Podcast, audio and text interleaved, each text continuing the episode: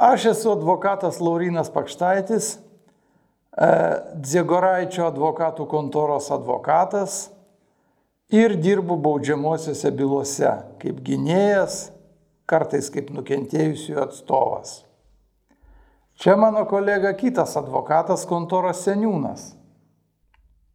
Taip, aš esu advokatas Vitenis Jegoraitis, taip pat daugiausia specializuojuosi baudžiamosios teisės baudžiamo proceso srityje.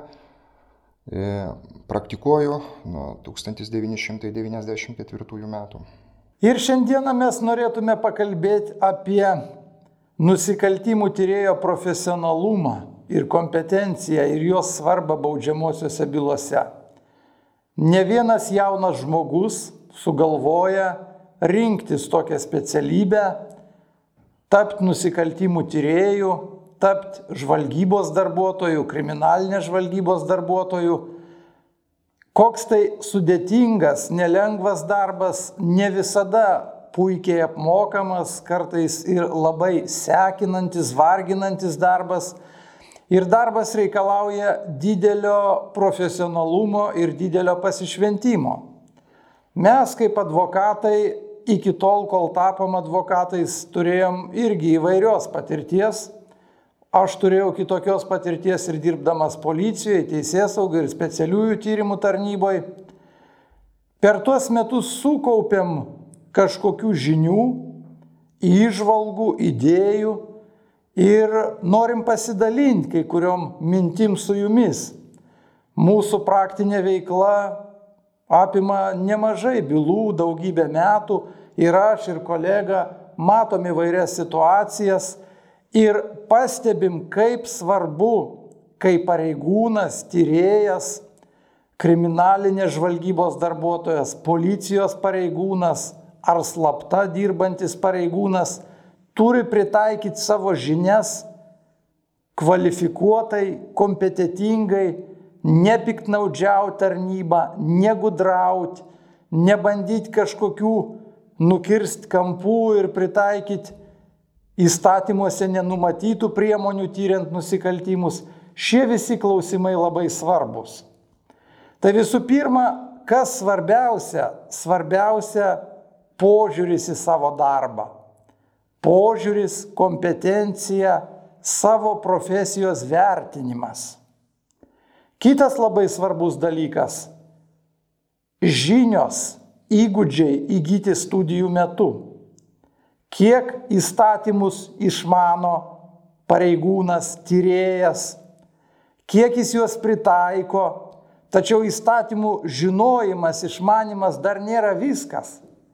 Be to, kad išmanai įstatymus, yra ir juose nenumatytų dalykų, yra taktikos, yra įvairių tam tikrų tyrimo metodikų, gudrybių, kurios neturi tapti klasta ir visi šie dalykai labai svarbus. Kartais susidurėm su tokia situacija, kai tyrėjai baudžiamosiose bylose darbą atlieka labai formaliai. Žiūri į savo darbą tiesiog kaip raštininkai. Apklaust kaltininką, apklaust įtariamąjį, apklaust liudytoją, jiem labai atrodo paprasta ir primityvų. Iš tikro tas darbas, net ir paprasta apklausa, reikalauja labai didelio dėmesingumo žmogui. Ir dar trečias dalykas, ką reikia paminėti, kuo šio laikinė teisės sauga skiriasi nuo praeities. Šio laikiniai teisės saugoj svarbus požiūris į žmogų. Kiekvienas žmogus turi savo teisę, savo laisvės, dėl to, kas jis bebūtų, ar kaltininkas, ar liudytojas, ar nukentėjusysis, ar kitas proceso dalyvis, prokuroras, teismas, ar koks nors specialistas, ekspertas, visi jie turi požiūrį žmogišką, neformalų, ne, nevaldišką, neatmestinį. Ir kad veikloj nebūtų galimas joks pasipūtimas, bandymas parodyti valdžią panašiai. Kartais mus labai klaidinančiai veikia kinai, kinematografas ir panašus dalykai, kai pareigūnai, tyrėjai parodomi labai galingi, visažiniai, klastingi, apeinantis įstatymus, bet kokią kainą tyriantis nusikaltimus. Tai praktikoje tokių dalykų daryti negalima. Ir tyrėjo profesionalumas, kompetencija, jo išmanimas taktikos, nusikaltimo tyrimų specifikos turi labai didelę reikšmę. Nusikaltimų daug jie viens kitam nelygus. Vienas dalykas nužudimas, kitas dalykas plėšimas, trečias dalykas avarija, ketvirtas dalykas teroro aktas, dar kita kategorija finansiniai nusikaltimai, apskaitos, nevedimas ar dokumentų klastojimas ir panašiai, panašiai. Kiekvienoj šioj srity nusikaltimų tyrėjas turi būti labai atidus ir turi labai kvalifikuotai, kompetitingai žiūrėti į kiekvieną situaciją. Kiekvienas dokumentas, kiekviena apklausa, kiekvienas tyrimo veiksmas, kiekvienas įvykio vietos apžiūrėjimas turi būti labai rimtas, kvalifikuotas ir svarbus. Kolega iš savo patirties gal irgi galėtumėt kokių pavyzdžių, žinau, kad turėjot nužudimo bylą, kai buvo žmogus pervažiotas ir tyrimas buvo labai sudėtingas, kaip tie tyrėjai ten žiūrėjo į tą situaciją, kaip jūs kaip advokatas gal galėtumėt savo išvalgom pasidalinti. Taip, įvairių tų bylų būna, gal pradžioj norėčiau pasidalinti savo e, patirtim ir sukauptais įspūdžiais, apibendrinimais, kaip vyksta tas tyriejų darbas, kokia yra jų situacija, na, sakykime, lyginant tai, kas buvo prieš porą dešimtmečių, kas yra dabar. Tai, kaip jau minėjo kolega, tyrėjo darbas, e, lyginant na, su kitomis teisininko profesijos, kitų atstovų darbo sritimis yra labai sudėtingas. Krūviai yra dideli, atlyginimas e, santykinai mažas, tačiau tai yra tokie, sakykime, mažiau patrauklus ir neigiami aspektai. E, kaip ir anksčiau, taip ir dabar tyrėjais anksčiau jie vadinosi tardytojais nuo 2003 metų pasikeitus įsigaliojus naujiem kodeksam, tiek baudžiamajam, tiek baudžiamo proceso kodeksam, reiškia, tardytojai tapo tyrėjais. E, reiškia, Tyrėjų gretose tiek anksčiau, tiek dabar dirba didesnė dalimi jauni žmonės. Manau, nors statistinių duomenų gal ir neturim, bet kontingentą vos ne 50 procentų sudaro kolegos, kurių amžius neviršė 30 metų. E, todėl jeigu mes kalbam apie jų profesionalumą, tai savai mes suprantama, kad tas profesionalumas iš niekur neatsiranda. Tam, kad atsirastų atitinkami darbiniai įgūdžiai, patirtis, e, reikalingas laikas. Tai šitie dalykai yra gana subjektyvūs ir e, manau, negalima būtų čia kalbėti apie kažkokius apibendrinimus, kad tyrėjas tampa profesionaliu padirbęs ten, sakykime, du ar penkis metus. E, vienam sekasi geriau, kitam blogiau, kaip ir kiekvienoje profesijoje, kiekvienam darbo bare. Tai reiškia, jeigu kalbėt, ką mes turim pastaraisiais metais ir jeigu jaunam žmogui kyla klausimas, ar verta eiti ten dirbti, pretenduoti, sakykime, tai aš manau, kad visų pirma reikėtų įsivertinti tą dalyką, kad šis darbas yra be galo įdomus, intriguojantis, Prasme, tyrėjas tarytum dalyvauja detektyvę vos ne kiekvieną dieną savo darbo metu. Tai yra ne popierinis darbas didesnė apimtimi. Jis apklausinėja įvairius proceso dalyvius - tariamuosius, nukentėjusiosius, liudytojus, Ir nors, jeigu žiūrėti pagal baudžiamo proceso kodekso nuostatas, įgaliojimai yra gana riboti, ta prasme, savarankiškai tyrėjas e, negali priimti tokių esminių sprendimų, nes e, tą daro tyrimą kontroliuojantis ir organizuojantis prokuroras. Tačiau kita vertus, tas tyrėjas yra kaip savotiškas bylos šeimininkas Ir tą bylos tyrimo kryptį iš esmės jis labiausiai jaučia, nustato. Ir dažniausiai tie prokurorai, kurie kontroliuoja tyrimą, visų pirma ar tarėsi su tyrėjais, klausia jų nuomonės, ką toliau darysim.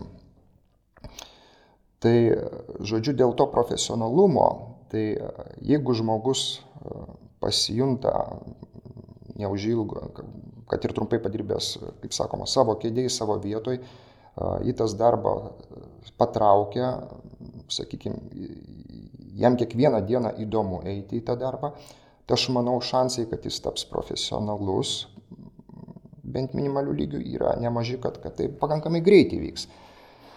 Tai vertus, jeigu žmogui sunku pakeltos darbo krūvius, nespėja, sakykime, kartais ir bylos labai komplikuotos būna, vilkina proceso dalyviai, e, piknaudžiauja savo teisėmis, na, žmogus emociškai neatsparus jam žymiai sudėtingiau yra prasilaužti toje srityje.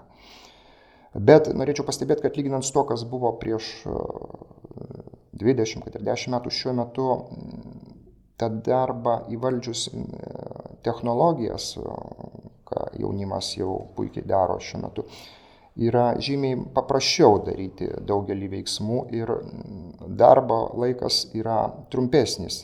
Sakim, tą patį, ką prieš mano minėtą laikotarpį turėjai daryti e, porą valandų, dabar galima per 15-20 minučių padaryti. Čia turiu galvoj, kad daug kas vyksta elektroninėje erdvėje. Reiškia, tai tie duomenys, e, protokolai visi talpinami į BPS sistemoje, jie yra prieinami čia pat, juos gali pamatyti e, prokuroras, telefonu suskambinus galima aptart, ką toliau daryti. Ir, e, sakykime, kada anksčiau žmogui reikėdavo pačiu dėl panašaus klausimo tris kartus vykti į policijos komisariatą, dabar tą galima įspręsti vieno vizito metu per pusvalandį.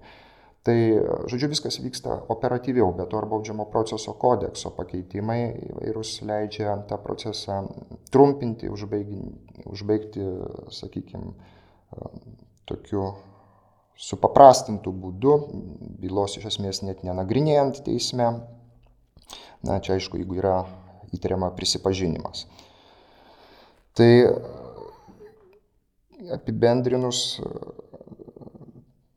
norėčiau na, savo subjektyvę tokią nuomonę pasidalinti, kad e, tyrėjo darbas, lyginant e, su, kit, su kitomis na, galimomis teisininko darbo kryptimis, tai visų pirma, gal čia kalbėčiau apie civilinę arba verslo teisę, kuri yra labai patraukli dėl to, kad e, visi turi galvoje galimas didelės pajamas ateityje. Tai sakykime, šis, šis darbas mano akimi žiūrint žymiai įdomesnis yra žymiai įdomesnis. Ir kitas labai teigiamas aspektas, kad padirbęs tyrėjo asmo tampa tarsi užgrūdintas bet kokiam praktiškai kitam darbui. Jo žinios įgyjamos per tos praktinius įgūdžius yra gana universalaus pobūdžio ir jis tampa ir užgrūdintas, ir pakankamai paruoštas ir kitam teisininko darbui, manau, kad ir po kokių penkių metų darbo, jeigu jis intensyviai, sėkmingai dirba, tyrėjo darbą. Todėl e, jaunimą, sakykime, raginčiau, jeigu turi minčių eiti šitą sritį, tikrai nebijoti ir, ir tokia profesinė patirtis įgyta tikrai gyvenime pravers, o ką gali žinot, gal tas darbas patiks ir, ir sakykime, žmogus įdirbs ne vieną dešimtmetį. Turbūt reikėtų pagalvoti, kokiomis savybėmis turėtų pasižymėti jaunas žmogus, kuris pretenduoja dirbti tyrėjo darbą. Tai čia turbūt įvardinant tas savybės nenusistatysime eiliškumo, kuri iš tų savybių yra prioritetinė, bet visų pirma kyla mintis dėl elementaraus raštingumo. Jeigu žmogus nesugeba rašyti be klaidų, tai jam sudėtinga dirbti šitą darbą, nes tiesiog jos surašyti procesiniai dokumentai paskui tolimesnėme bylos procese daugam akis bado. Toliau yra savo specifikos, pavyzdžiui, kalbų žinojimas. Dabar didžioji jaunimo dalis puikiai kalba angliškai. Tačiau dirbant tyriejų, kad ir Vilniuje, Vilniaus rajone, labai pravartu žinoti rusų kalbą, lenkų kalbą taip pat. Tai kalbų žinojimas, kaip ir visur, yra svarbus dalykas. Trečias dalykas tai yra savidisciplina, darbštumas ir tam tikras atsparumas aplinkai, sakykime, nes tenka bendrauti su įvairaus plauko piliečiais, sakykime, kurie jau ne pirmą kartą peržengia įstatymo ribas, žino visokių gudrybių, naudojasi tą savo neigiamą patirtimį ir, ir sakykime, ne tik nervus gadina, bet ir trukdo dirbti. Tai vad, žmogus turi būti psichologiškai atsparus. E, yra tam tikri, sakykime, sakykim, psichologiniai aspektai ir priklausomai nuo amžiaus. Na, vat, dabar, jeigu mes kaip pavyzdį imtume, labai didelė bylo dalis yra teisminiai tyrimai atliekami dėl disponavimo psichotropinė medžiagom, na, sakykime, vos ne, sakykime, pusė bylų yra iš vato disponavimo psichotropinėm medžiagom susijusio su to, kad ar kas nors buvo sulaikytas, ar grupelė draugų, ar jaunų, rūkydami žolę, ar besiruoštami tą daryti, ar dar blogiau, jeigu viens kitam ir pardavė tą žolę. Tai vat, pirmo atveju ta baudžiamoji atsakomybė ten santykinai nėra tokia labai griežta, bet jeigu yra pardavimo faktas, tai, na, sakykime, baubnesnė apklausoje. Vienas jaunuolis pardavė kitam kanapių, reiškia, ten 2 gramus nepilnai už 20 eurų. Tas nusipirkęs nuvažiavo į kitą miestą, buvo sulaikytas, sustabdytas e, patrulių visai ne dėl to, kad įtarė, kad, kad disponuoja, bet tiesiog apžiūros metu sukėlė įtarimą, iškratė kišenės ir rado tas kanapės. Na ir jis prisipažino, iš ko jis įsigijo tas kanapės, tai, e, sakykime, tam nusipirkusiam grėsia bausmė nesusijus su laisvės atimimu, o tam pardavusiam 19 mečiui, kuriam visai neseniai beje 19 metų su jo, numatyta bausmė nuo 2 iki 8 metų realaus laisvės atėmimo. Tai, sakykime, turint galvoj, koks kiekis ir kokia kaina, ta bausmė atrodo, na, tiesiog žiauri ir neadekvati, bet taip yra. Ir tokių bylų yra masė. Ir dabar mes, jeigu grįžtam prie to, kas yra tyrėjas ir koks jo nusiteikimas šitoje situacijoje gali būti. Aišku, profesionalus tyrėjas į bet kurį įtariamą turėtų žiūrėti iš esmės teisiškai vertinant objektyviai ir, ir vienodai, bet pabandykim pafantazuoti. Tokį va 19 metį apklausė tyrėją, patyrus, kurios, kuri gal tarp 40-50 metų ir kuri turi informacijos, kad jos vaikui, na, sakykime, dar nepilnamečiam, bet jau paaugliui, kas nors mokykloje bandė parduoti tą žolę ir ne kartą. Tai aišku, kad jinai nejaučia simpatijos tokiam veikėjui, kuris yra pasieitariamasis ir kurį apklausinėja. E, na, klausimas, ar ta simpatijos nejautimas kaip nors įtakotų tą apklausos procesą, tačiau visko gali būti. O dabar projektuojam kitą situaciją. Jaunas tyrėjas, kuriam kokie, sakykime, 25 metai, apklausinėja savo bendramžį, lygiai dėl to paties, ką aš nekėjau. Tai gali atsirasti ir savotiškas solidarumas toksai, ir, ir jau visai kita psichologinė nuostata yra. Tai, va, tai.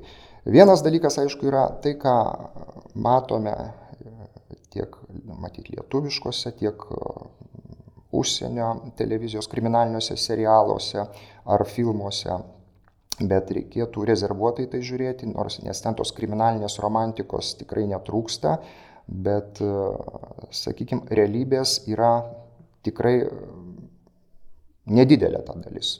To, kaip realiai vyksta tas procesas ir, na, bet filmai tam ir kuriami, kad jie būtų įdomus, intriguotų ir, ir kad būtų dramos elementų ir kad juos kažkas žiūrėtų ir, ir kuo daugiau, to geriau.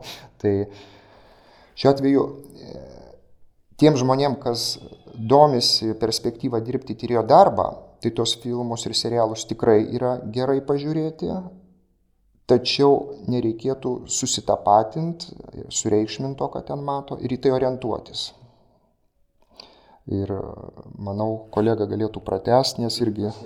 Taip, labai įdomi mintis ir iš tikrųjų norėčiau pritarti ir pratesti. Kai žiūrim kinus, kinematografą, filmus, skaitom pasakojimus, detektyvinės istorijas literatūroje, matom stipriai romantizuotą ir pagražintą tyrėjo darbą. Matom tokį e, literatūrišką, romantinį personažą, kuris stengiasi pagauti blogiečius, stengiasi pagauti nusikaltelius ir visas tas siužetas kartais tiek sudėtingai parodytas, kad žiūrėdamas žiūri, kad baudžiamoji byloje viskas būtų greičiau ir paprasčiau. Ir kartais nusikaltėlio vyjimosi procesas būna toks ilgas ir sudėtingas, kad praktiškai byloje viskas išsisprendžia greitai ir paprastai. Nes kas tai yra nusikaltimas? Tai yra įstatymo pažeidimas, yra faktas, tas faktas palieka pėtsaką. Ar pėtsaką palieka ant žemės, ar ant automobilio, ar ant šalygatvio, ar tą pėdsaką palieka elektroninėje erdvėje. Tyrėjui reikia tą pėdsaką rasti, užfiksuoti, dokumentuoti ir tas pėdsakas taps įrodymu. Tai kartais darbas būna įdomus, o kartais jis labai paprastas, techninis, turi būti profesionaliai padarytas. Žiūrim filmą, per filmą parodo labai įdomiai, kaip viskas vyksta, daugybė darbuotojų, daugybė pajėgų skiriama ir panašiai. Bet žinokim, kad ne kiekvienoje byloje teisės sauga turi tokias galimybės. Kartais būna byla didelė ir sudėtinga ir ten sėdi vienas tyrėjas ir kartais jisai tiesiog popieriais apsivertęs ir tuose popieriuose bando nustatyti kažką padaryti. Dar vienas dalykas, kas įdomu, ką kolega paminėjo, kad tyrėjo darbas įdomus ir jis gerai jaunam žmogui tuo, kad jis kiekvieną dieną tarsi kažkoks detektyvas, kažkokios naujos žinios.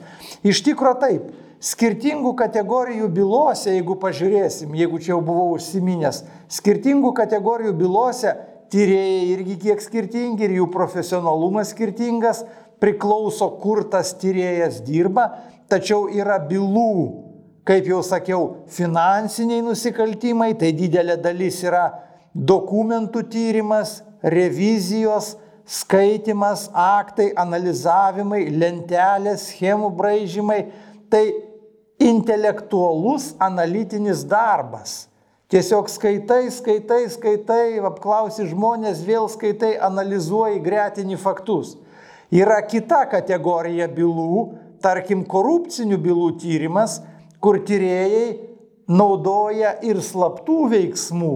Slapta pastato garso įrašymo įrangą, taip vadinamas blakės, slapta renka informaciją, žvalgybinę informaciją, ją analizuoja, dirba kitą kartą ir naktį, dirba ir savaitgaliais, ir per šventės, dirba neparodydami savęs. Yra kategorija tokių, kurie dirba visiškai slaptai ir jų darbas niekam nežinomas, dėl to jis geras ir svarbus. E, Lietuvoje nelabai mum aktualus terorizmas, tačiau yra kategorija tyriejų, kurie ir tuo užsijima. Lietuvoje jau blanksta ta problema organizuoto nusikalstamumo, mafijos organizuotų grupuočių susivienimų, tačiau kolega tokių bylų turėjęs Ir tokiuose bylose panašu, kad tyrėjai dirba kaip komanda ir jų darbas tikrai įdomus. Važiuoja iš vieno miesto į kitą, organizuoti nusikaltėliai greitai juda iš miesto į kitą, turi tam tikrus tinklus, važinėja prabangiais automobiliais, fiksuoja savo susitikimus, važiuoja į kitą miestą keli šimtus kilometrų, trumpam susitinka, kažką pasako, tada vėl išsiskirsto. Visą tą informaciją turi apibendrinti, surinkti tyrėjai, padaryti tam tikras išvadas, tada tą informaciją viešais būdais patikrinti, apklausti asmenis, sužinoti, kas galėjo būti. Dar viena e, nusikaltimų rušys - nužudimų tyrimas. Labai nemalonios tos situacijos, bet darbas dažnai labai įdomus.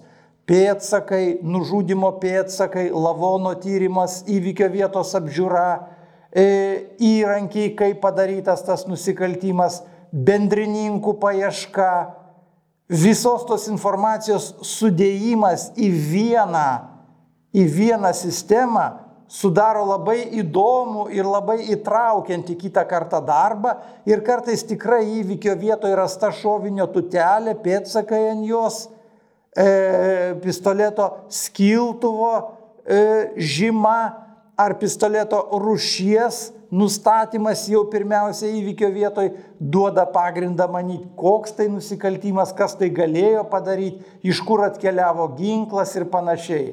Vien jau tai e, kriminalistika moko, kad kiekvienas pistoletas, kiekvienas šaunamasis ginklas automatiškai išmesdamas tutelę, jie išmeta skirtingų kampų ir į skirtingą vietą. Vien jau tai būna profesionaliam, išvalgiam, e, kryptingai dirbančiam tyriejui jau tam tikrą informaciją. Dar svarbu paminėti savybės, kas kolega jau čia labai gerai pasakė, kad tyrėjas turi būti e, išvalgus, e, nusiteikęs, e, atsparus aplinkai. E, paminėčiau dar, kad tyrėjas turi būti e, visada žvalus ir gyva, gyventi sveikai. Ir, ir kaip visada pažymiu, kad sveikas gyvenimo būdas E, sportavimas ir šio laikiškas gyvenimas, domėjimasis naujienom, domėjimasis technologijom, visa tai padeda pagerinti savo kvalifikaciją, kompetenciją, visa tai padeda ir stiprinant savo profesinės žinias. Tai visi šie dalykai kaip tik ir daro tyrėją gerų tyriejų. Ir kaip kolegos sakyti pavyzdžiai iš tikro, kartais tyrėjas irgi būna neabejingas aplinkai, jis daug mato, bet jo vaidmuo procese yra apibrieštas. Jo vaidmuo procese kiek įmanoma geriau fiksuotos pėtsakus, tikrovės atspindžius, kiek įmanoma geriau paruošti bylą, kad ta byla būtų gerai ištirta ir prokuroras su kaltinimu jau galėtų pateikti kaltinimą, kaltininką kaltinti teisme, nu ir teismas galėtų jį nuteisti. Mąstančiam apie tokios profesijos pasirinkimą, turbūt įdomu, ar jisai turi kažkokias galimybės pakilti, taip liaudžiškai kalbant, karjeros prasme. Tai aš čia kur daugiau pasakojau, dalinausi įspūdžiais, tai buvo mintis apie teritorinių policijos komisariatų tyrėjus, nu, tuos žmonės, kurie pradeda savo profesinę veiklą tenai. Ir kalbėjau, kad nemaža dalis jaunimo dirba. Tačiau jeigu kalbėt apie tai, kad jie pasiekia tam tikrų darbo rezultatų, jeigu kalbėt apie tai, kad bylas greit ištyrė, apie atskleidžiamumą nusikaltimų, čia kalba eina gal ne apie tuos tyrėjus, kurie betarpiškai tyria bylas, bet daugiau apie vadinamų kriminalistų darbą, kur kriminalinės žvalgybos veiksmus atlieka na tai saime suprantama, kad anksčiau ir vėliau atsiveria durys į, į sakykime, galimybės dirbti jau kitam padalinėje, tai yra skyriuose atitinkamuose vyriausių policijos komisariatų, kurie dirba su organizuotu nusikalstamumu. Arba Lietuvos netgi kriminalinės policijos biure, tai yra jau elitinis padalinys tyriantis organizuotą nusikalstamumą, jau rezonansiniai nusikaltimai sudėtingiausi. Ir ten kaip kolega a, paaiškino, dažniausiai sudaromos tyriejų grupės, tai karjeros požiūriu tai tikrai yra įdomu ir perspektyvu, nes toks darbas jau yra ir daugiau apmokamas, ten ir premijos yra numatytos, ir, na, ir, sakykime, tos romantikos kriminalinės yra žymiai daugiau. Ir ką mes, vėl grįžtant prie tų kriminalinių serialų ar filmų, matėm, ten jau, sakykime, yra daugiau to, ką jaunimas mato per žiūrėdami, sakykime, atitinkamus filmus. Nes, sakykime, tas darbas, aišku, yra žymiai sudėtingesnis ir ten jau reikia būti nusteikus, kad ten teks dirbti dažnai ir išeiginėmis, ir po darbo valandų, bet na, yra tokia realybė. Tai karjeros galimybės tikrai egzistuoja ir, ir užsidirbti galima. Ir tyrėjo darbą dirbant. Aišku, ne pačioje pradžioje, bet, bet jeigu gerai seksis, aš manau, po penkių metų kokių galima tikrai galvoti apie žymiai geresnės darbo sąlygas ir apmokėjimą. Todėl jaunus žmonės kurie jaučia pašaukimą tyrėjo darbui, siūlyčiau tikrai nebijot ir pabandyti tą padaryti. E, tik tai vienas įspėjimas. Jeigu tas jaunas žmogus jau turi sukūrę šeimą, galbūt vaiko nesiniai susilaukė, tai turėtų įsivertinti tai, kad šeimos nariai nebus patenkinti kartais, nes užimtumas bus labai didelis. Ir kartais šeimos interesai bus antroje vietoje po darbo, kuris, kaip jau kalbėjom, iš esmės tampa iš dalies gyvenimo būdu.